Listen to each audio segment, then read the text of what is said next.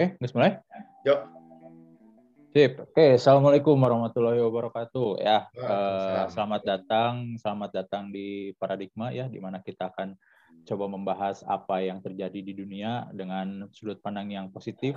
Karena kalau kalian cari berita-berita negatif atau berita-berita yang menyedihkan itu, eh, karena berita-berita itu seperti itu itu menjual, maka udah banyak itu ya, udah banyak di TV, di media sosial. Nah, kalau di sini kita coba uh, ngangkat ngangkat tema-tema yang sedang happening juga, yang sedang yang sedang viral juga, tapi dengan dengan sudut pandang yang lebih positif lah, supaya kita nambah ilmu, nambah apa, nambah pengetahuan, nambah wawasan, tapi nggak nggak merusak mood kita gitu, nggak merusak nggak merusak kebahagiaan hati kita gitu, malah kita mencoba untuk mengembang apa berbagi pengalaman kita untuk menyemangati kalian semua yang uh, mendengarkan podcast kita ini. Nah, sekarang saya bersama teman saya Karisma, kita uh, ini adalah seorang seorang pendidik yang WFH ya, yang jadi korban WFH uh, work, work from home, oh home, sorry work from home. Jadi karena kalau misalnya kerja di rumah itu, kalian tahu kerja di rumah itu banyak ininya, banyak kosongnya gitu ya jadi apalagi nih Karisma ini kan guru olahraga gitu ya, guru olahraga. Biasanya kalau teman-teman tahu guru olahraga itu kan praktek ya, jatuhnya ke praktek. Nah sekarang dia harus di depan laptop untuk ngarahin anak-anaknya ya, betul ya, ngarahin anak-anaknya untuk gerakan ini, gerakan itu gitu ya. Jadi nah, saya juga sama, eh, saya pengajar eh, bahasa Indonesia eh, lebih lebih di depan komputer. Jadi kita itu kebanyakan waktu dan mencoba eh, apa berbagilah kita berbagi ilmu, berbagi pandangan tentang apa yang eh, melalui podcast ini kita ini. Nah, untuk tema kita hari ini eh, kita mau ngangkat ini yang lagi happening itu teman-teman yang mungkin yang mungkin sedang melakukan perjuangan mencari kerja, yang sedang mencoba seleksinya, apa mencoba peruntung, peruntungannya di CPNS, nah kan uh, baru dapat kabar kalau misalnya uh, seleksi CPNS ini baru selesai tahap seleksi administrasi. Jadi teman-teman yang ikutan mungkin uh, apa sudah mendapatkan pengumuman bahwa mungkin lolos, mungkin tidak uh, untuk apa tahap seleksi seleksi administrasi itu. Kenapa kita mau ngebahas ini? Soalnya kita itu kita itu ini saya dan Karisma itu angkatan CPNS angkatan 2019 ya 2019 uh, Karisma waktu itu uh, ngedaftarnya di Jakarta, saya alhamdulillah di Bandung dan kebetulan uh, kita ini sama-sama uh, lolos CPNS. Maka dari itu kita mau berbagi soal CPNS itu apa, PNS itu apa untuk teman-teman yang uh, sedang melakukan atau belum beruntung untuk apa belum beruntung untuk tahun ini akan atau mau mencoba untuk tahun depan atau bahkan sedang baru menerima kabar baik lolos lolos administrasi. Nah, kita mau coba berbagi pengalaman kepada kalian semua soal uh, yang namanya uh, seleksi PNS dan bagaimana kehidupan menjadi seorang PNS.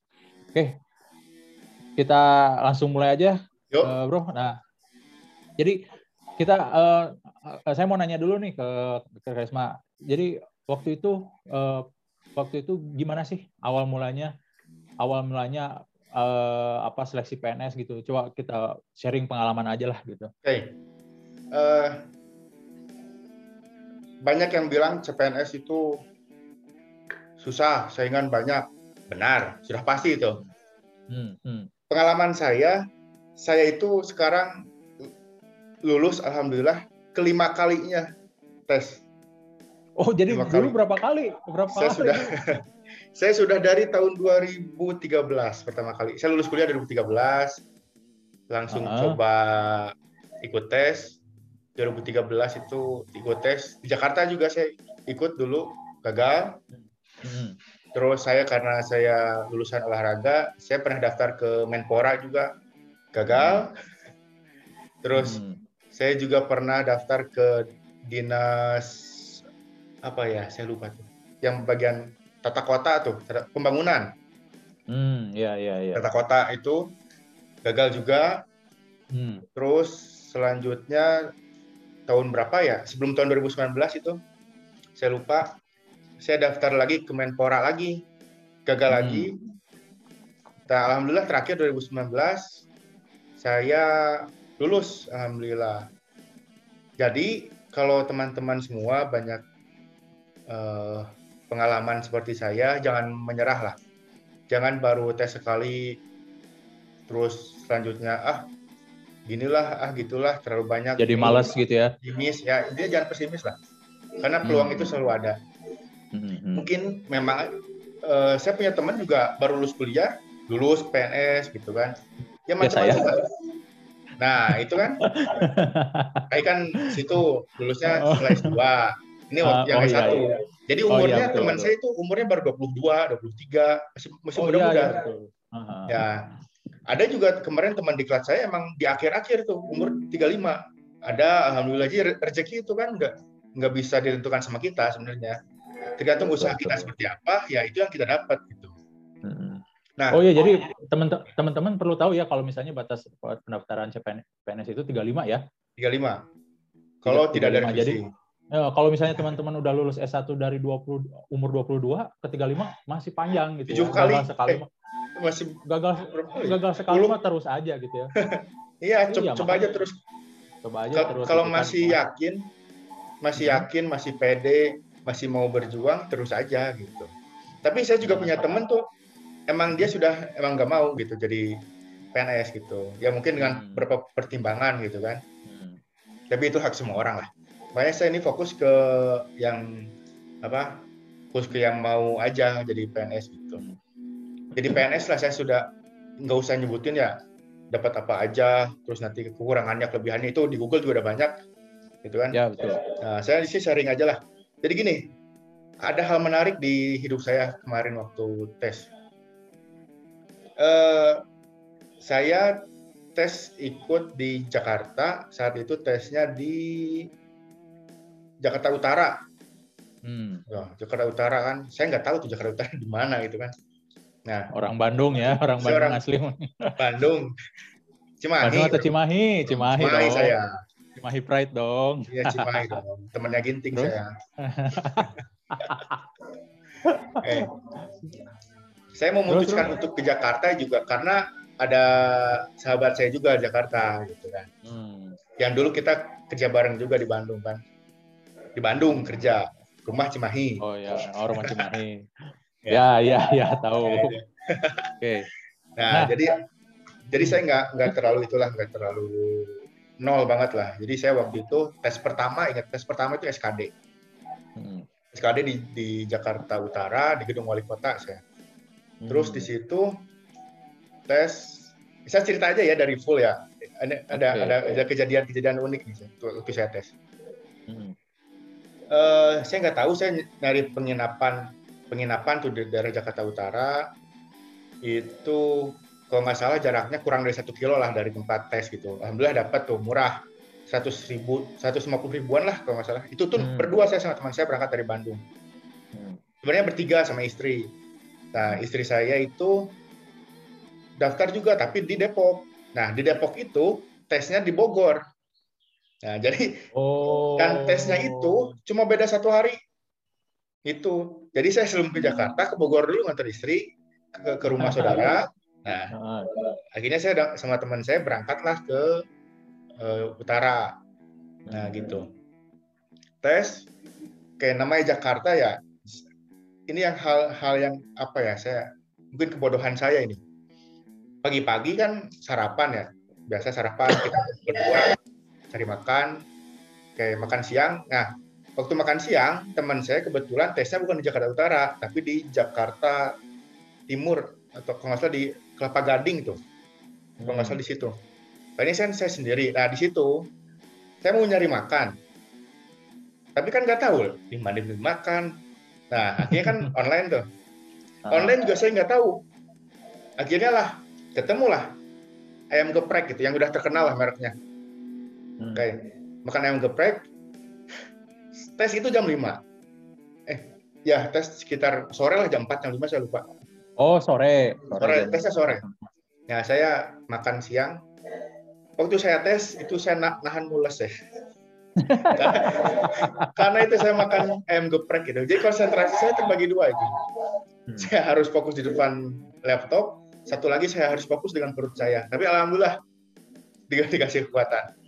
Nah, tes dimulai, beres tes, Uh, nah di BRST itu nilai saya kurang. Jadi saya di saat itu dinyatakan tidak lulus SKD. Hmm. Oke, tidak lulus SKD, akhirnya ya udahlah. Uh, ya mungkin bukan rezeki saya gitu kan.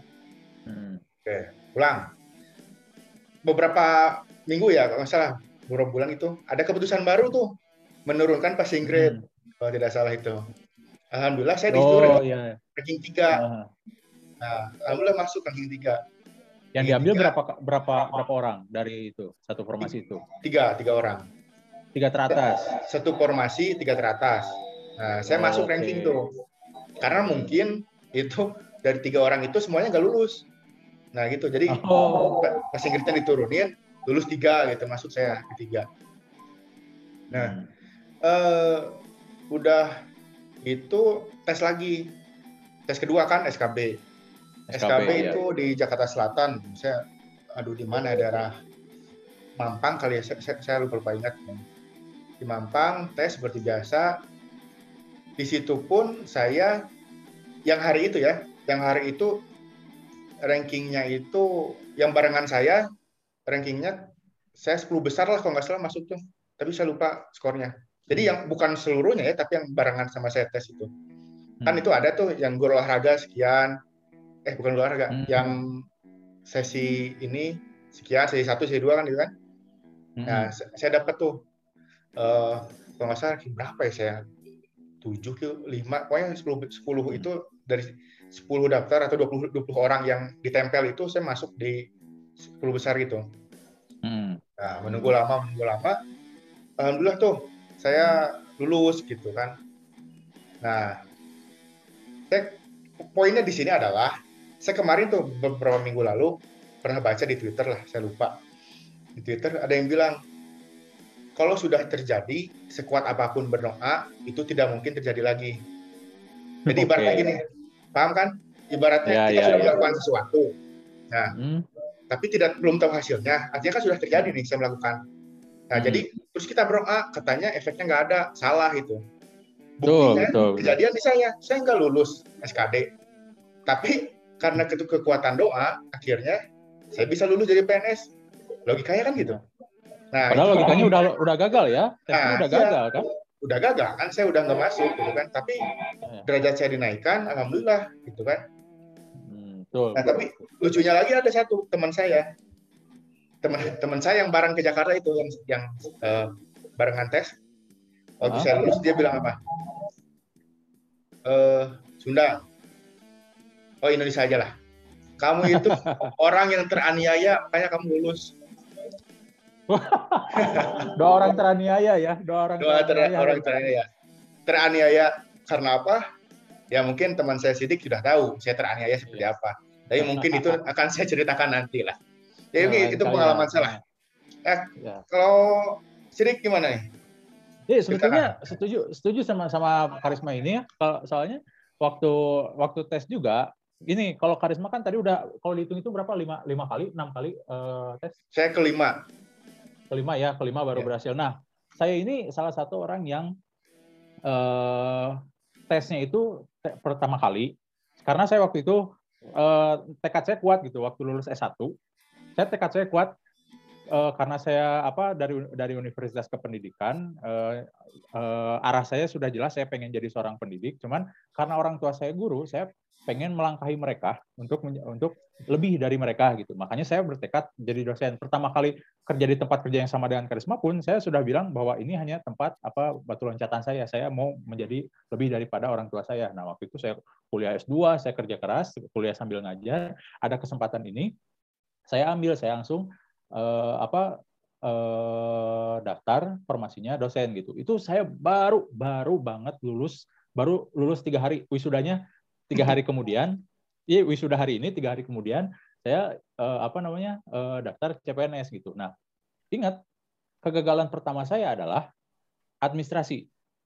Harusnya ya. seleksi administrasi saya gagal gitu. Soalnya di situ nanti teman-teman mungkin yang akan daftar atau yang mau uh, apa yang udah daftar mungkin tahu kalau misalnya ketika kita ngirim uh, file kita itu harus ditandai bahwa kita itu formasi apa kan? Ada yang kode A, ada kode B, Nah, kode A itu kalau nggak salah yang biasa, kode B itu yang apa gitu, terus ada yang Putra Papua segala macam. Nah, Saya lupa di situ, lupa. Saya kirim aja gitu. Setelah dikirim, besoknya baru ingat, oh iya harusnya dikasih kode gitu. Saya udah pasrah ya udahlah aja, pasrah dan saya langsung mulai cari kesempatan lain untuk menjadi seorang dosen gitu. Karena saya kekeh pengen jadi seorang dosen. Nah, pas itu ternyata pengumuman saya lolos, lolos eh, seleksi apa seleksi administrasi. Udah gitu, ya udahlah gitu. Saya apa saya uh, tes SKD bener SKD tes kalau karisma tesnya di Jakarta tuh ya. Kalau saya kebetulan di Bandung. Di Bandungnya kalau teman-teman dari Bandung ini pasti tahu yang di Eldorado ya. Eldorado itu kayak semacam hotel atau penginapan ya. Saya kurang apal soalnya gede. Saya nggak biasa ke gedung-gedung gede. Saya mah orang biasa gitu. Ya. Eldorado tuh. Jadi kalau teman-teman tahu Eldorado itu ada di daerah wisata Lembang ya. Sekitar bukan di Lembangnya tapi jalan menuju Lembang itu. Jadi tempatnya dingin, oh, tempatnya enak lah sejuk gitu ya. Tapi nggak terlalu dekat dengan peradaban gitu. Jadi jalannya tuh benar-benar eh, tempatnya itu benar-benar agak agak apa di kayak inilah kayak jalan provinsi lah gitu ya. Cuman ini kebetulan naik. Nah saya di situ tes sama dengan karisma. Itu berarti karisma itu sesi 5 ya berarti waktu itu kemarin. Terakhir, kalau sore terakhir. Itu. Nah, saya juga sama sesi terakhir. Sesi terakhir di jadwal itu jam 5. Jam 5 sore gitu ya. Tapi kalau ternyata di praktiknya itu saya mulainya jam 7, jam 7 malam. ya, ngaretnya dua jam, ngaretnya dua jam. Dan ketika saya sampai Eldorado, jadi di, diinstruksikan secara spesifik bahwa tesnya jam 5 dan diusahakan datang jam 4. Saya nurut datang jam 4, nggak tahunya tesnya jam 7. Dan kalau teman-teman tahu itu Eldorado itu ya eh, tempatnya itu dingin gitu, dingin banget. Jadi dingin, apalagi sudah lewat maghrib gitu. Nah, kalau di Jakarta panas, oke okay, udah lewat maghrib mungkin anget gitu gimana. Kalau di sana dingin, kebetulan nggak boleh setelah sampai semua barang itu disimpan dititipkan ke panitia, termasuk jaket. Itu kebayangkan dinginnya gimana? Wah udah dingin, lapar, dan hari itu kebetulan saya ingat banget itu hari Kamis hari Kamis itu eh, di tempat saya kerja dulu di SMA, saya ngajar hari hari Kamis itu kebetulan full dari pagi banget jam 6.45 sampai jam 4 itu saya ngajar full nonstop. Udahnya saya langsung harus tes CPNS. Capek kan ya? capek banget. Capek Pastilah. banget. Itu tes. Uh, oh, udah bukan capek lagi, udah pikiran itu udah stres dan itu harus menunggunya itu, nunggu ngantri masuk ruangan itu berdiri, nggak duduk gitu nggak ada tempat duduk berdiri nggak dikasih makan nggak dikasih konsumsi ada dikasih konsumsi uh, ini uh, minum apa, air mineral minum ya. air mineral yang segede gini ya, ya. tapi si panitianya ngomong gini ini satu buat berlima katanya Hah? kita kan kaget ya satu buat berlima sedangkan di apa waktu itu tuh mayoritasnya perempuan kan gak enak ya sebagai laki-laki gitu masa berebutan sama perempuan ya udahlah kita pasrah gitu eh, mungkin ada beberapa yang uh, maksa gitu tapi ya udahlah saya mau pasrah aja ya udah duduk tanpa minum tanpa makan bete kedinginan udah masuk tes cep masuk di tes tuh inget tuh di ruangannya kayak semacam ballroom gitu gede banget uh, sampai pokoknya itu menampung sekitar seribu orang untuk tes CBT tuh kita pakai laptop tes dengan keadaan yang uh, apa sepasrahnya sebisanya gitu begitu keluar jadi tesnya itu gini teman-teman jadi tesnya itu di laptop ya Nah, setelah selesai itu langsung keluar skornya gitu. Langsung keluar skornya. Jadi kita langsung tahu apa kita itu lolos atau enggak gitu. Nah, karena ada tesnya ada tiga ya waktu kita ya, waktu kita ada tiga eh, TIK, TIU sama satu lagi apa saya lupa lagi. Nah, masing-masing itu harus ada passing grade-nya gitu. Ada KKM-nya, nilai minimumnya. Saya nilai kalau nilainya besar, saya itu nilainya besar hanya di, di satu di satu poin ini saya nggak memenuhi KKM gitu makanya dinyatakan gagal. Udahlah pulang jam 9 malam dari gunung, turun gunung dari Eldorado itu Eldorado jalan kalau Eldorado itu daerah Cijengkol ya? Yeah. Pokoknya daerah atas gitu ke Cimahi. Nah, rumah saya kebetulan uh, di Cimahi itu udah capek, udah gitu ya udahlah kita pasrah. Dan ternyata betul meskipun saya gagal, ternyata saya termasuk orang yang lolos. Kenapa? Karena di, di formasi yang saya lamar itu saya termasuk eh, tiga tertinggi skornya gitu. Jadi yang pertama itu teman saya, yang kedua senior saya, yang ketiga saya. Nah, betul. Jadi teman-teman gini, ketika saya ketika saya tes ya, saya itu bersaingan dengan bersaingan dengan teman saya yang eh, apa yang aktif organisasi yang eh, nilai apa nilai lulusnya waktu S1 S2-nya lebih tinggi dari saya. Senior saya yang teman saya yang sekarang dia sedang kuliah S3 gitu, doktoral gitu.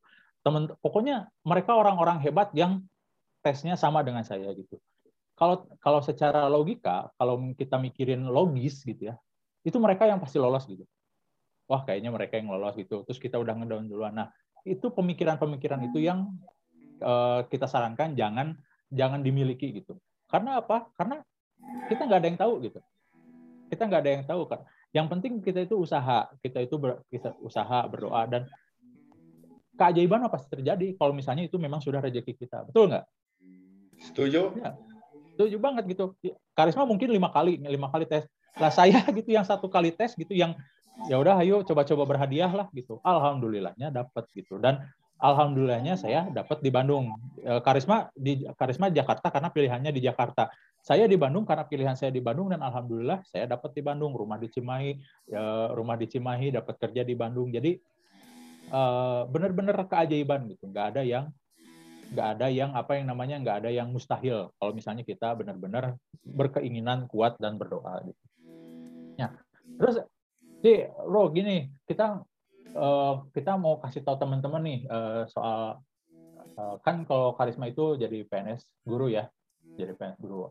Uh, kita, uh, saya PNS dosen gitu. Nah dari karisma dulu deh, gimana sih kehidupan setelah jadi seorang PNS asik nggak gitu? Atau kurang lebihnya apa gitu?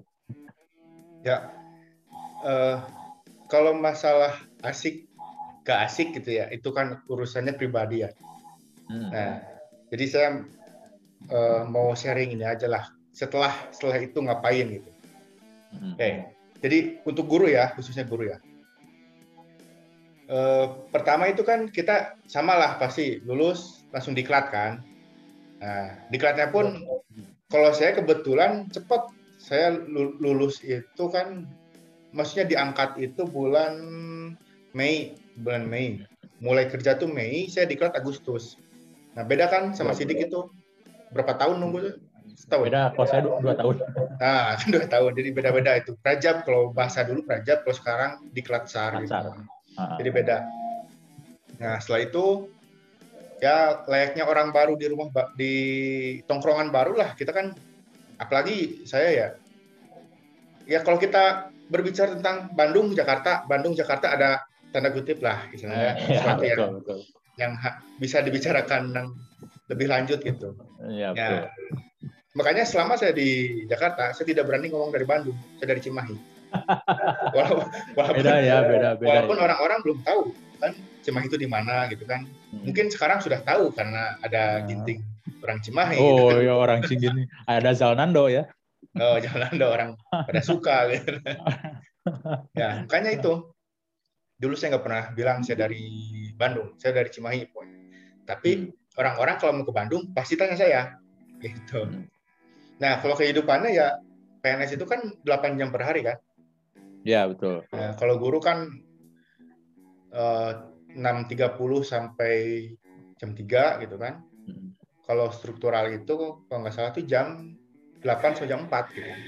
Pokoknya hmm. 8 jam ada aturan itu 8 jam satu hari, 40 jam seminggu. Hmm. Itu jam kerjanya. Yeah. Gitu. Ya di, di luar ada tugas-tugas lain ya. Malamnya atau besoknya atau weekend ada tugas dan lain-lain itu di luar itu uh, khususnya guru ya karena saya guru ya karena saya emang cita-citanya pengen jadi guru sih jadi hmm. karena sudah tahu kan orang tua juga dua-duanya guru jadi jam kerjanya jam kerjanya itu tidak terlalu banyak gitu kan 8 jam sehari hmm. menurut saya tidak terlalu banyak lah jadi sore itu hmm. udah bisa udah bisa ada di rumah gitu kan beda kan sama kerja swasta ya pertama kali saya ke Jakarta gitu saya kan yang pertama dicari itu jalan. Pokoknya maju aja dulu lah. Saya nggak tahu itu gimana. Saya ingat sama istri saya malam-malam. Ingat banget, saya dari Depok. Dari Depok itu niat mau ke Kelapa Dua. Hmm. Saya dari Sawangan mau ke Kelapa Dua. Tapi saya nyasar ke Pasar Minggu. Itu kan jauh jauh berapa kilo itu saya nyasar.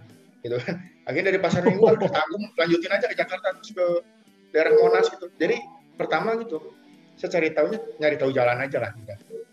nah karena biar ya nanti barangkali saya diculik itu kan saya tahu ada di mana. Siapa yang mau nyulik? Habis modal.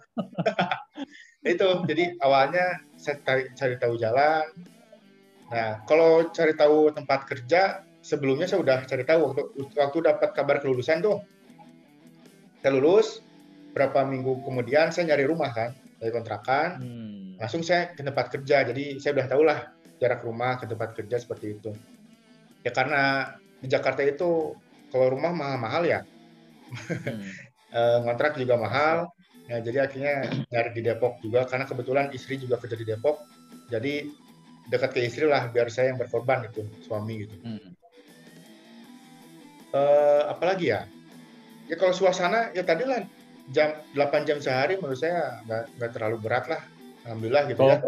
Kerjaan administrasi gimana tuh? Ribet nggak? Ya kalau administrasi kan ya sama lah kayak dosen ya. Awal tahun kan. Bukan program ini program itu ya itu ya itu resiko sih. Resiko kerjaan gitu ya. Oh iya teh nyambung ke yang tadi jalan saya baru ingat saya nyari-nyari jalan. Pernah suatu hari saya ke jalan yang sangat sibuk di Jakarta di Sudirman.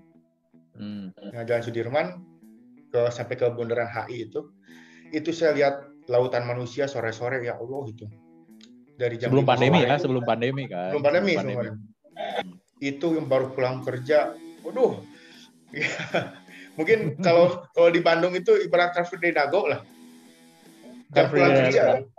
Tapi kan Car Free Day Dago mah nggak pakai motor, nggak pakai mobil. Nah iya, tapi Jakarta itu ini nggak Jakarta itu kan si pedestriannya luas. Pedestriannya oh, agak lebar iya. tuh di Jalan Sudirman iya, itu agak agak luas tuh. Uh. Nah itu yang baru turun dari gedung itu baru keluar ngebudal gitu. Waduh jam 5 sekitar jam 5 lah pulang kerja itu. Itu dan saya yakin itu rumahnya nggak di Jakarta itu karena di situ ada apa yang kereta bawah tanah itu pada okay. masuk situ ya oh, okay. jadi pokoknya jam berangkat kerja jam pulang kerja itu pasti kereta listrik bawah tanah MRT LRT itu busway termasuk itu penuh sesak nah itu perjuangan lah perjuangan. Saya juga salut sama orang-orang gitu ya yang ya tidak jauh lah ingin menafkahi keluarga kan. Nah hmm, mudah-mudahan hmm, betul, betul. ya berkah lah gitu mau berangkat uh, uh, sedek-sedekan gitu kan. Bahkan saya pernah naik uh, eh, MRT saya sambil bisa sampai tidur tidur berdiri. Saya udah bisa gerak. Diam capek gitu. Iya karena penuhnya.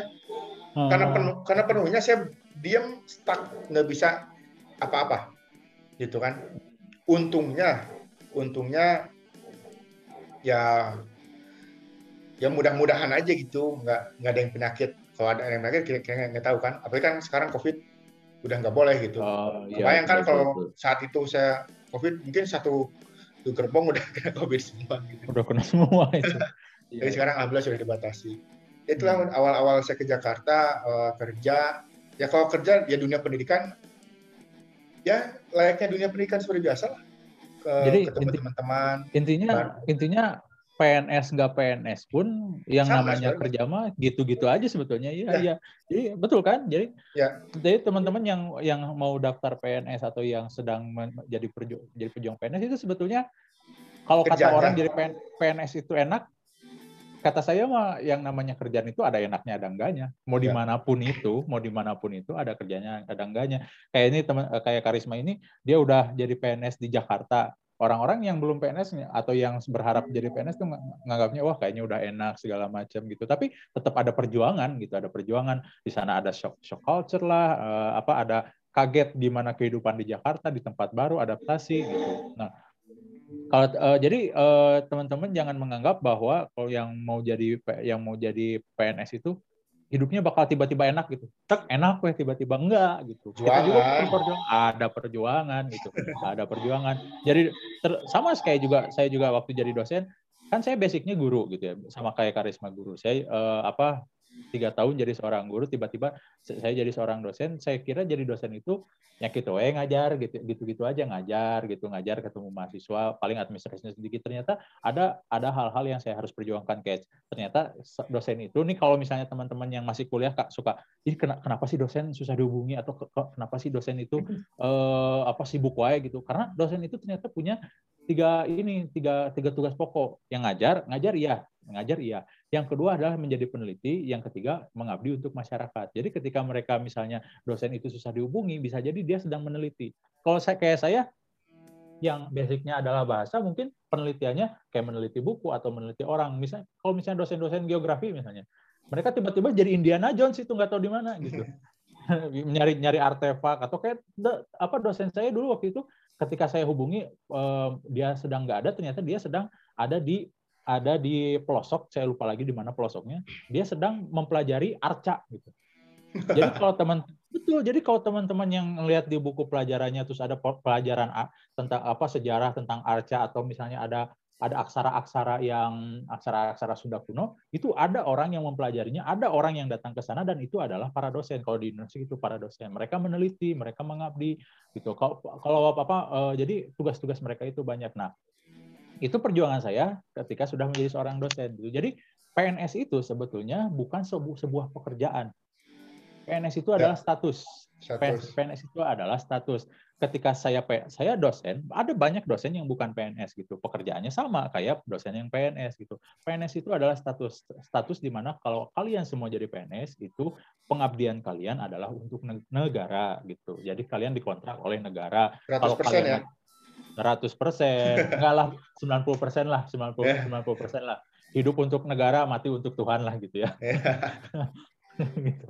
Ya jadi intinya uh, kalau perang harus barisan ketiga ya barisan ketiga gitu. Jadi kita tuh benar-benar orang yang membela negara gitu. Nah, cuman alasannya alasan eh, memang ada enaknya jadi PNS, eh, mungkin alasan karisma dengan saya sama gitu. Jadi kalau saya jadi enak jadi PNS itu jam kerjanya sudah di sudah ditentukan 8 jam. Itu yang kita sebutkan namanya akuntabilitas ya. Hmm. Masih ingatnya lasarnya? Oh ingat dong. Laporan ke, ke itu laporan ke atasan. Eh, saya mah ini uh, lacarnya online uh, jadi nggak nggak ngalamin yang kayak kayak gitu kayak baris gak asik, gak asik. Gak asik ya. Ya uh, pandemi gak, mengubah segala. Gak pernah rebutan nasi di barisan makan. yang yang paling saya sesali ini nggak pernah ketemu kecengan. Ah. ya nanti kalau teman-teman teman-teman kayak yang yang alhamdulillah udah lolos CPNS pas latsar atau praja pasti tahulah gimana yang namanya dijodoh-jodohin pas latsar gitu ya. Terutama kayak saya waktu saya kan waktu itu uh, bukan waktu itu sampai sekarang pun masih single sama gitu suka suka dijodoh-jodohin gitu. Kalau karisma mah nggak tahu mungkin cari yang kedua entahlah gitu ya. nah, gitu. Jadi uh, apa uh, jadi saya alasan saya pengen jadi PNS itu atau bersyukur sangat bersyukur menjadi PNS itu waktu waktu kerjanya di, ditentukan. Jadi setelah saya kerja saya bisa uh, fokus ke keluarga atau meskipun saya belum berkeluarga, I, I know gitu ya. Jadi maksudnya saya bisa apa bisa ah Sabtu Minggu libur gitu kan. Jadi ya. nggak jauh workaholic banget. Dan Sabtu Minggu libur itu bukan berarti saya ah leye-leye itu Sabtu Minggu libur itu bisa dimanfaatkan untuk untuk apa usaha lah gitu kan. Atau kayak saya yang senang nulis nulis buku lah atau nulis nulis sastra lah atau nonton lah kayak gitu. Nah itulah eh, enaknya jadi seorang punya status PNS gitu. Kayak punya status PNS tapi bukan berarti kita nggak punya apa eh, nggak ada nggak ada kendala atau nggak ada nggak ada hal yang berat yang kita alami gitu pasti ada gitu betul nggak setuju nggak Yuk, sekarang ini hmm.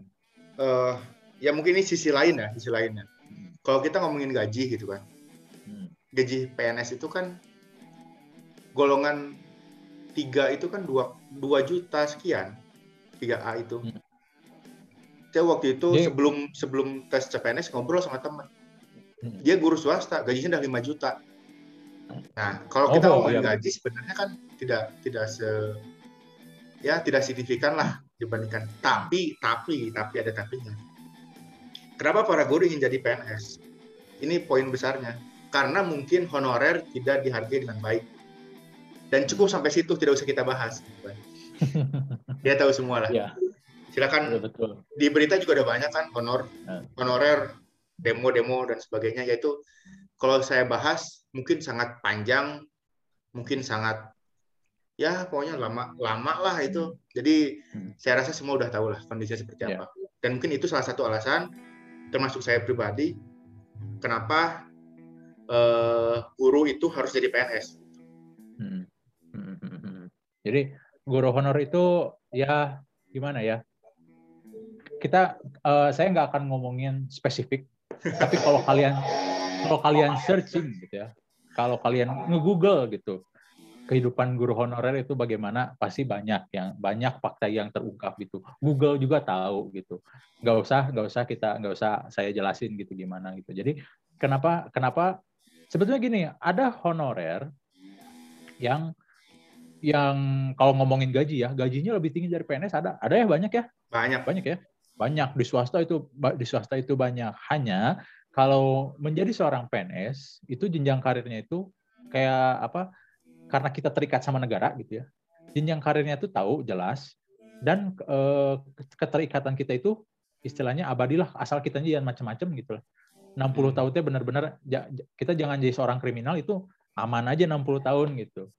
Nah beda dengan yang di swasta. Kalau di swasta benar-benar dikejar sama yang namanya kinerja kinerja kita bagus. Lanjut nggak nggak apa atasan kurang kurang puas ya bisa bisa terjadi yang sesuatu yang tidak diinginkan gitu. Nah, itu bedanya gitu. Cuman banyak banget teman-teman karisma juga yang asalnya kerja di swasta nih, wah wow, udah udah punya uh, salarinya bagus, fee-nya bagus, sudah tinggi terus dia jadi PNS. Itu banyak yang cerita ke saya, kaget euy, ungap cina. Sesak nah, napas tiba-tiba jadi PNS. Saya ada pengalaman yang menurut saya kalau menurut yang mencari apa ya, mencari rupiah itu sangat berlawanan teman hmm. saya teman satu kamar saya waktu diklat kamar dia sebelumnya nih? dia sebelumnya bekerja di perusahaan asuransi negara terbesar oh. gajinya yeah. 17 juta sebulan gaji gaji gaji gaji ya? gapok ya gaji pokok gaji ya gaji ya uh, ya uh. nggak tahu lah yang lainnya tiba-tiba dia berubah jadi daftar PNS emang dia awalnya emang guru kan jadi hmm. lulusan guru tapi daftarnya ke waktu lulus lulus kuliah itu kerjanya di situ daftar kerjanya. Hmm. nah kok dari 17 juta ke 2 juta gitu kan? Ya merelakan 15 juta gitu kan? Kok bisa gitu? Berwas, ya. Iya. ya intinya apa? Capek kan swasta. Oh ya udah alasannya kan jelas tuh capek. Ya saya nggak tahu lah capeknya seperti apa gitu kan. Ya mungkin salah satu PNS juga karena 8 jam sehari ya mungkin karena nggak terlalu capek kerjanya gitu kan Hmm, Makanya alasan teman saya memilih itu ya karena uh, ya tingkat kelelahan mungkin tingkat stresnya lebih kecil sih. Asal hmm, tidak macam-macam ya. Iya, jangan kriminal intinya mah jangan kriminal gitu. Ya. Pokoknya karena kita membela negara, kita harus jadi warga negara yang baik itu. Itu kan. Ya, apakah terikat. itu sebuah apakah itu bu, sebuah tekanan untuk menjadi warga negara yang baik? Yang masa tekanan sih yang kayak gitu gitu kan? masa tekanan gitu kita jangan kalau jadi kita penjahat. sudah biasa jadi orang baik alah sombong besar ya ya biasa aja orang gitu. baik ulah ulah kriminal ya pokoknya mah iya jadi kriminal di dunia ini memang nggak ada yang sempurna nggak ada yang suci yeah. gitu tapi jangan kriminal aja gitu yeah. ada peraturan negara jangan mencuri jangan membunuh gitu kan jangan macem-macem jangan jangan viral di hal yang negatif di media sosial mungkin sekarang mau ya ya minimal gini minimal kerjanya gitu-gitu aja gitu minimal. itu aja. Ya udah minimal, minimal itu. Ya. jadi nah tapi selebihnya ya lebih bagus lebih. Ya bukan berarti PNS nggak bisa jadi orang bengar kan? Bisa.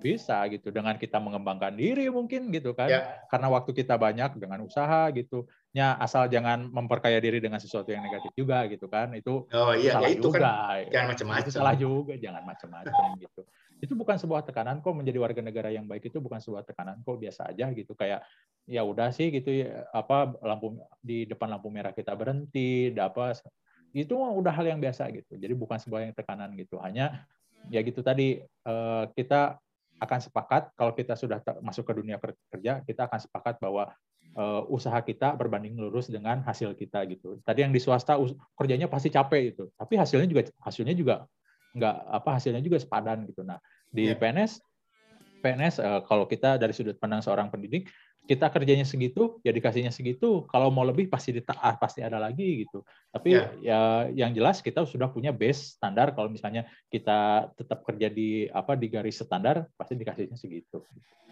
betul nggak iya jadi ya kalau kita sudah biasa kerja gitu kan saya, hmm. saya rasa dari dulu juga kita udah biasa istilahnya tertekan ya. dari zaman sekolah kita tertekan dengan tugas-tugas. Pasti. Kuliah apalagi gitu kan. Uh, iya betul. Bahkan secara pribadi pun saat kita berumah tangga mohon maaf nih. Mentang-mentang ya. kita kan sudah istilahnya sudah punya kewajiban itu laki-laki ya kepala keluarga kan.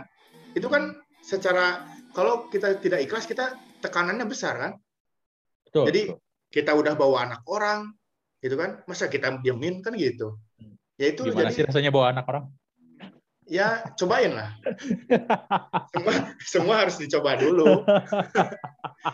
Kalau belum coba ya nggak akan tahu sensasinya seperti apa gitu kan. Ya betul betul nah, itu betul, sih. Betul, jadi betul. Uh, memang sih saya, saya harapkan kalau bisa itu nggak usah ada honor gitu. Semuanya PNS kalau bisa gitu. Hmm.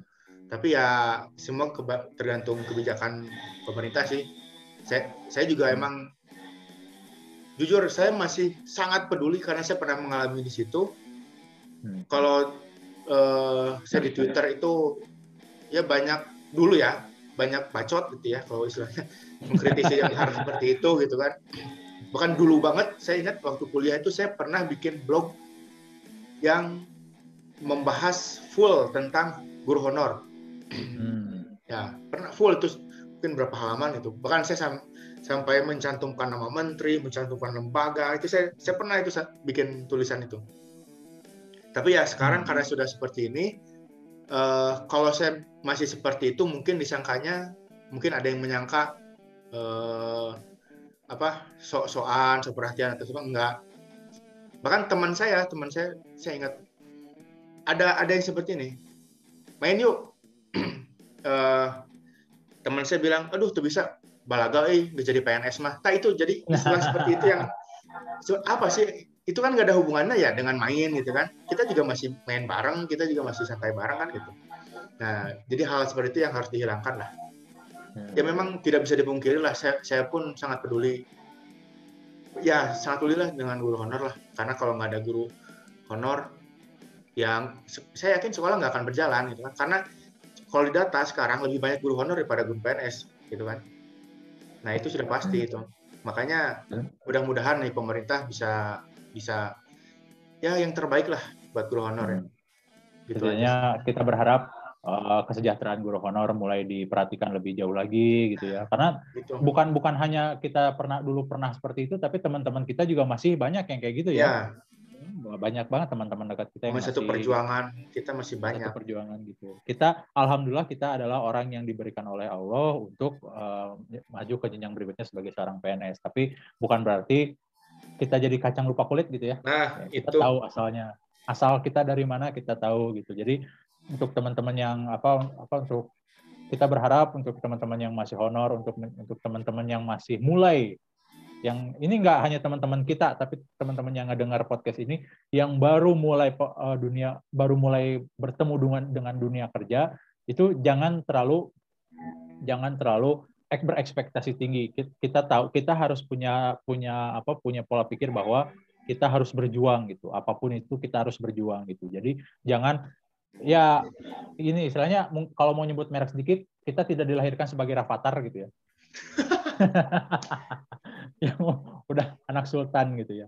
Tapi eh, tapi kita harus berjuang gitu. Kita harus berjuang untuk untuk menjadi diri kita sendiri, untuk men, me, apa mengukir nama kita sendiri di di dunia gitu kan. Nah, jadi kalau apa jadi kalau misalnya di, disimpulkan itu bahwa PNS itu bukan satu-satunya jalan gitu. Ya, ya. betul.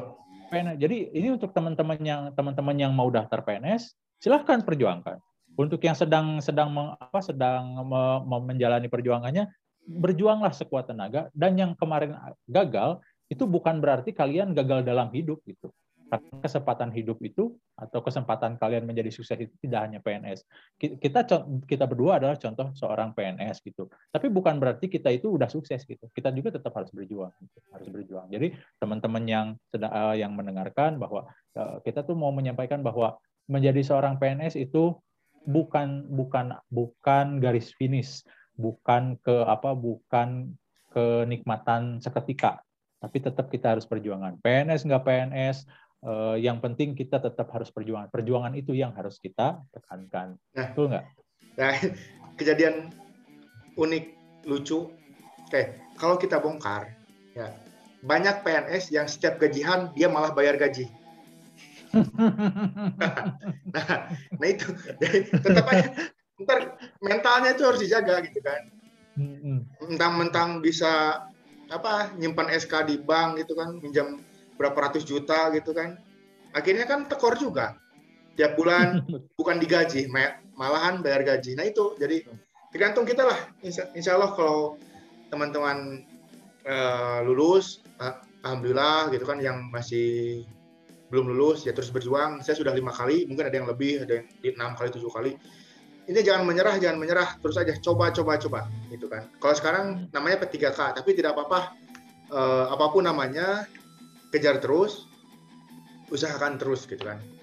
Hmm. Ya itu aja sih. Ya. Uh, kayaknya cukup ya. Cukup kayaknya kita. Mas. Jadi intinya sekali lagi teman-teman intinya PNS nggak PNS uh, eh, apa uh, gagal gagal berhasil perjuangan adalah intinya gitu. Jadi ya, satu lagi. itu apa?